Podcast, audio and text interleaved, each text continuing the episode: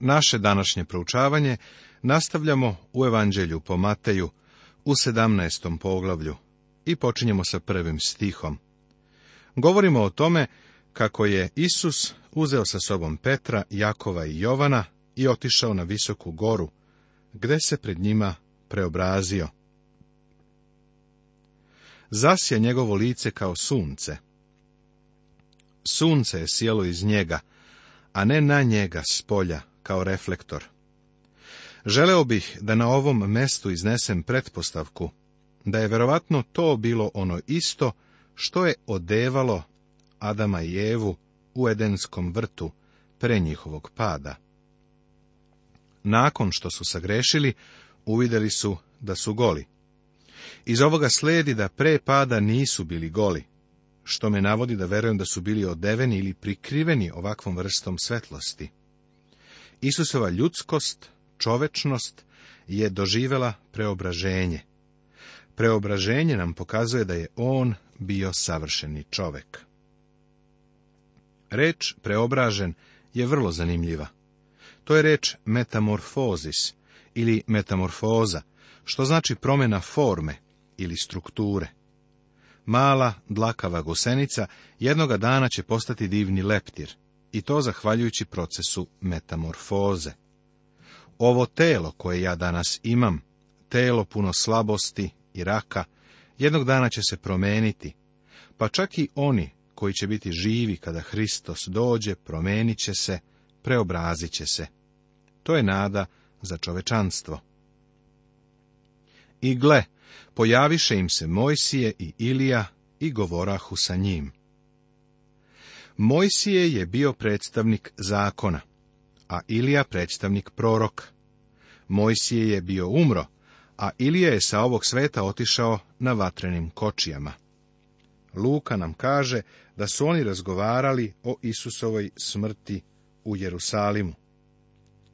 I gle, dva čoveka su razgovarala sa njim, to su bili Mojsije i Ilija, koji se pokazaše u slavi i govorahu o njegovoj smrti koju je imao da podnese u Jerusalimu.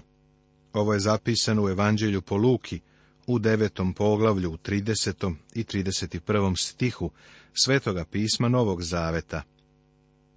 Zakon i proroci nosili su svedočanstvo o smrti gospoda Isusa Hrista.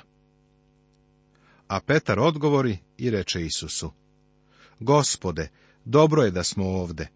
Ako hoćeš, načinit ću ovde tri senice, jednu tebi i jednu Mojsiju i jednu Iliji. Simon Petar nikada nije mogao da se odupre prilici da održi govor. Svaka prilika je za njega bila povoljna. On bi ustajao na noge da nešto kaže i to bi obično bilo pogrešno, sve do dana Pentekosta. I ovde nalazimo takvu grešku. Baš je mogao da ćuti. Sam Bog ga je ukorio kao što ćemo vidjeti, jer je nameravao da Mojsija i Iliju stavi na isti nivo sa gospodom Isusom. Luka nam daje objašnjenje za ovu Petrovu neopreznost rečima, ne znajući šta govori. Mnogo ljudi govori, a ne zna šta govori. Petar je bio ukoren. Trebalo je da čuti. Dok je on još govorio, gle, sjajni oblak ih zakloni i gle, glas iz oblaka govoraše, ovo je moj ljubljeni sin, koji je po mojoj volji, njega slušajte. Ovo je svedočanstvo Boga Oca o Sinu Isusu. Isus je konačni autoritet u pitanjima otkrivenja. Ono što su Mojsije, Ilija i proroci imali da kažu, bilo je divno. Pisac poslanice jevrejima kaže, Bog koji od davnina mnogo puta i na mnogo načina govorio našim očevima preko proroka, u ove posljednje dane progovorio nam je preko sina. Ovo su prva dva stiha prvog poglavlja poslanice Evrejima, svetoga pisma Novog Zaveta. Sin je onaj koji je došao na zemlju kao konačno Božije otkrivenje čoveku. Obrati sada pažnju na ovaj divni iskaz koji daje otac. Ovo je moj ljubljeni sin, koji je po mojoj volji, njega slušajte. Da li si ikada čuo glas sa neba koji te pohvaljuje i govoriti da je Bog veoma zadovoljan tobom? Pa, ni meni to nikada nije rekao. U stvari, on to nikad nije rekao osim ovome. Gospod Isus je jedini koji je tako ugodio Bogu a ti i ja u Božju prisutnost nikada nećemo ući, sve dok verom ne budemo u Hristu. Kada primimo Hrista kao spasitelja, bivamo pridodati telu vernika. Hristos je jedini kojim je Bog zadovoljan, a mi bivamo prihvaćeni u Hristu, u ljubljenom sinu. I čuvši, učenici padoše ničice i jako se pobojaše. A Isus priđe dotače ih i reče, ustanite i ne bojte se. A kada podigoše svoje oči, ne videše nikoga do Isusa sama. Želiš li dobar moto za svoj život? Predlažem ti dve reči, samo Isus. On je autoritet. Verujem da ćeš obeležiti ove dve reči u tvojoj Bibliji. One svima nama jesu dobar moto. I kada su silazili sa gore, zapovedi im Isus govoreći, nikome ne kažite šta ste vidjeli, dok sin čoveči ne ustane iz mrtvih. Zašto da se čeka do posle vaskrsenja i zašto tek tada o tome treba pričati? Jer je to deo evanđelske priče. Ona nam govori ko je Isus. On je savršeno jagnje Božije. On je tri godine kušan, i u ovom trenutku nalazi se na putu ka krstu, gde će umreti za grehe sveta. Vidiš, Bog je tražio jagnje bez mane, a gospod Isus je jedini koji je mogao umreti umjesto čoveka, jer je on bio bezgrešan. U svojoj savršenoj čovečnosti bio je preobražen. On je nada čovečanstvu. Nada čovečanstva nije u nauci ili obrazovanju. I nauka i obrazovanje će nas danas izneveriti. One su stvorile Frankensteinova čudovišta, a mi ne znamo šta ćemo sa njima. Na primjer, u Americi, u gradiću Detroitu, pre sto godina su izumeli mala kola na benzin, koja nam danas stvaraju mnogo problema, zagađuju vazduh, zagušuju puteve. Nauka ne može da reši taj problem. Veruj mi, nada ovoga sveta je jednostavno u osobi po imenu Isus Hristos. Postaraj se da ga upoznaš. Ovo je tvoja jedina nada. I zapitaše ga njegovi učenici govoreći, što dakle književnici kažu da Ilija treba prvo da dođe? Ovo sada je izvanredna izjava, a on odgovori i reče, Ilija će doći i sve će uspostaviti. Isus potvrđuje ono što je rečeno u knjizi proroka Malahije u Svetom pismu Staroga Zaveta. Ali vam kažem da je Ilija već došao i ne poznaše ga, nego učiniše sa njim što htedoše. Tako će i sin čoveči stradati od njih. Ovo u razumu mnogih ljudi pokreće pitanje o Jovanu Krstitelju. Da li je on stvarno bio Ilija? U evanđelju po Mateju u 11. poglavlju govorili smo o istom problemu. Ono što naš gospod čini u ovom poglavlju jeste sljedeće. Nastoji da predupredi argument da je Isus trebalo da umre na krstu zato što Jovan Krstitelj nije bio Ilija. A Ilija treba da dođe pre nego što se Hristos vrati da uspostavi svoje carstvo. Naš gospod kaže da ako njega prime kao cara, onda će Jovan biti Ilija. Ne pitaj me kako je to moguće, ja samo govorim ono što pismo uči. Tako će i sin čoveči stradati od njih. Ovo je već drugi put da gospod Isus spominje raspeće koje mu se bliži. Tada učenici razumeše da im kaza za Jovana krstitelja dečak opsednut demonom. U ovom prizoru vidimo carstvo nebesko u obliku u kome je prisutno danas na svetu. Kako se crkva uklapa u to? Hajde sa mnom u podnožje brda, gde su drugi učenici, koji nisu bili sa gospodom na gori preobraženja i koji su bili u pravoj nevolji. A kada dođoše narodu, pristupi mu jedan čovek, moleći ga na kolenima, govoreći, Gospode, smiluj se na moga sina, jer je mesečar i teško mu je. Naime, često pada u vatru i često u vodu. I dovedo ga tvojim učenicima i ne mogoše da ga izleče. Ovo je verovatno najgori slučaj koji je donet pred Isusa. Ovo je pored toga bila i tužna situacija, jer su njegovi učenici bili nemoćni. To je slika današnje crkve u svetu, koji je demonom opsednut i poludeo je. Zašto je crkva nemoćna u ovom poludelom svetu? Zato što nema dovoljno psihologije, dovoljno metoda ili dovoljno novca. Ne, ona ima sve ove stvari, ali to nije ono što je crkvi stvarno potrebno. Ovaj čovjek je rekao Isusu, dovedoh ga tvojim učenicima i ne mogoše da ga izleče.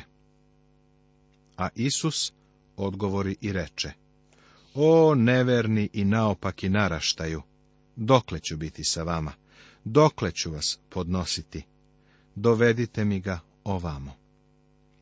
O neverni i naopaki naraštaju.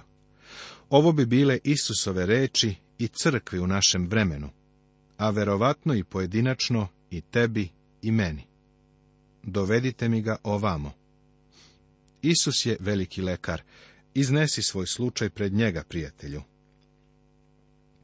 I zapreti mu Isus i iziđe iz njega demon, te bi izlečen dečak od onoga časa. Gospod je ukorio svoje učenike, a onda je ukorio demona. Ovo je verovatno najgori slučaj opsednuća demonom kojim se bavio naš gospod. Tada pristupiše Isusu učenici nasamo i rekoše, zašto mi nismo mogli da ga isteramo? A on im reče, zbog vašeg maloverja, jer zaista vam kažem, ako imate veru kao gorušićino zrno, reći ćete ovoj gori, pređi odavde onamo i preći će, i ništa vam neće biti nemogućno ništa vam neće biti nemogućno. To znači ništa što je u skladu sa voljom Božijom za tebe. Božija volja je bila da ovaj dečak bude oslobođen od demonskog opsednuća. Zašto učenici nisu mogli da ga oslobode? Zato što nisu imali veru. A ovaj rod izlazi samo pomoću molitve i posta. Moja napomena je da se ovaj stih ne nalazi u boljim rukopisima.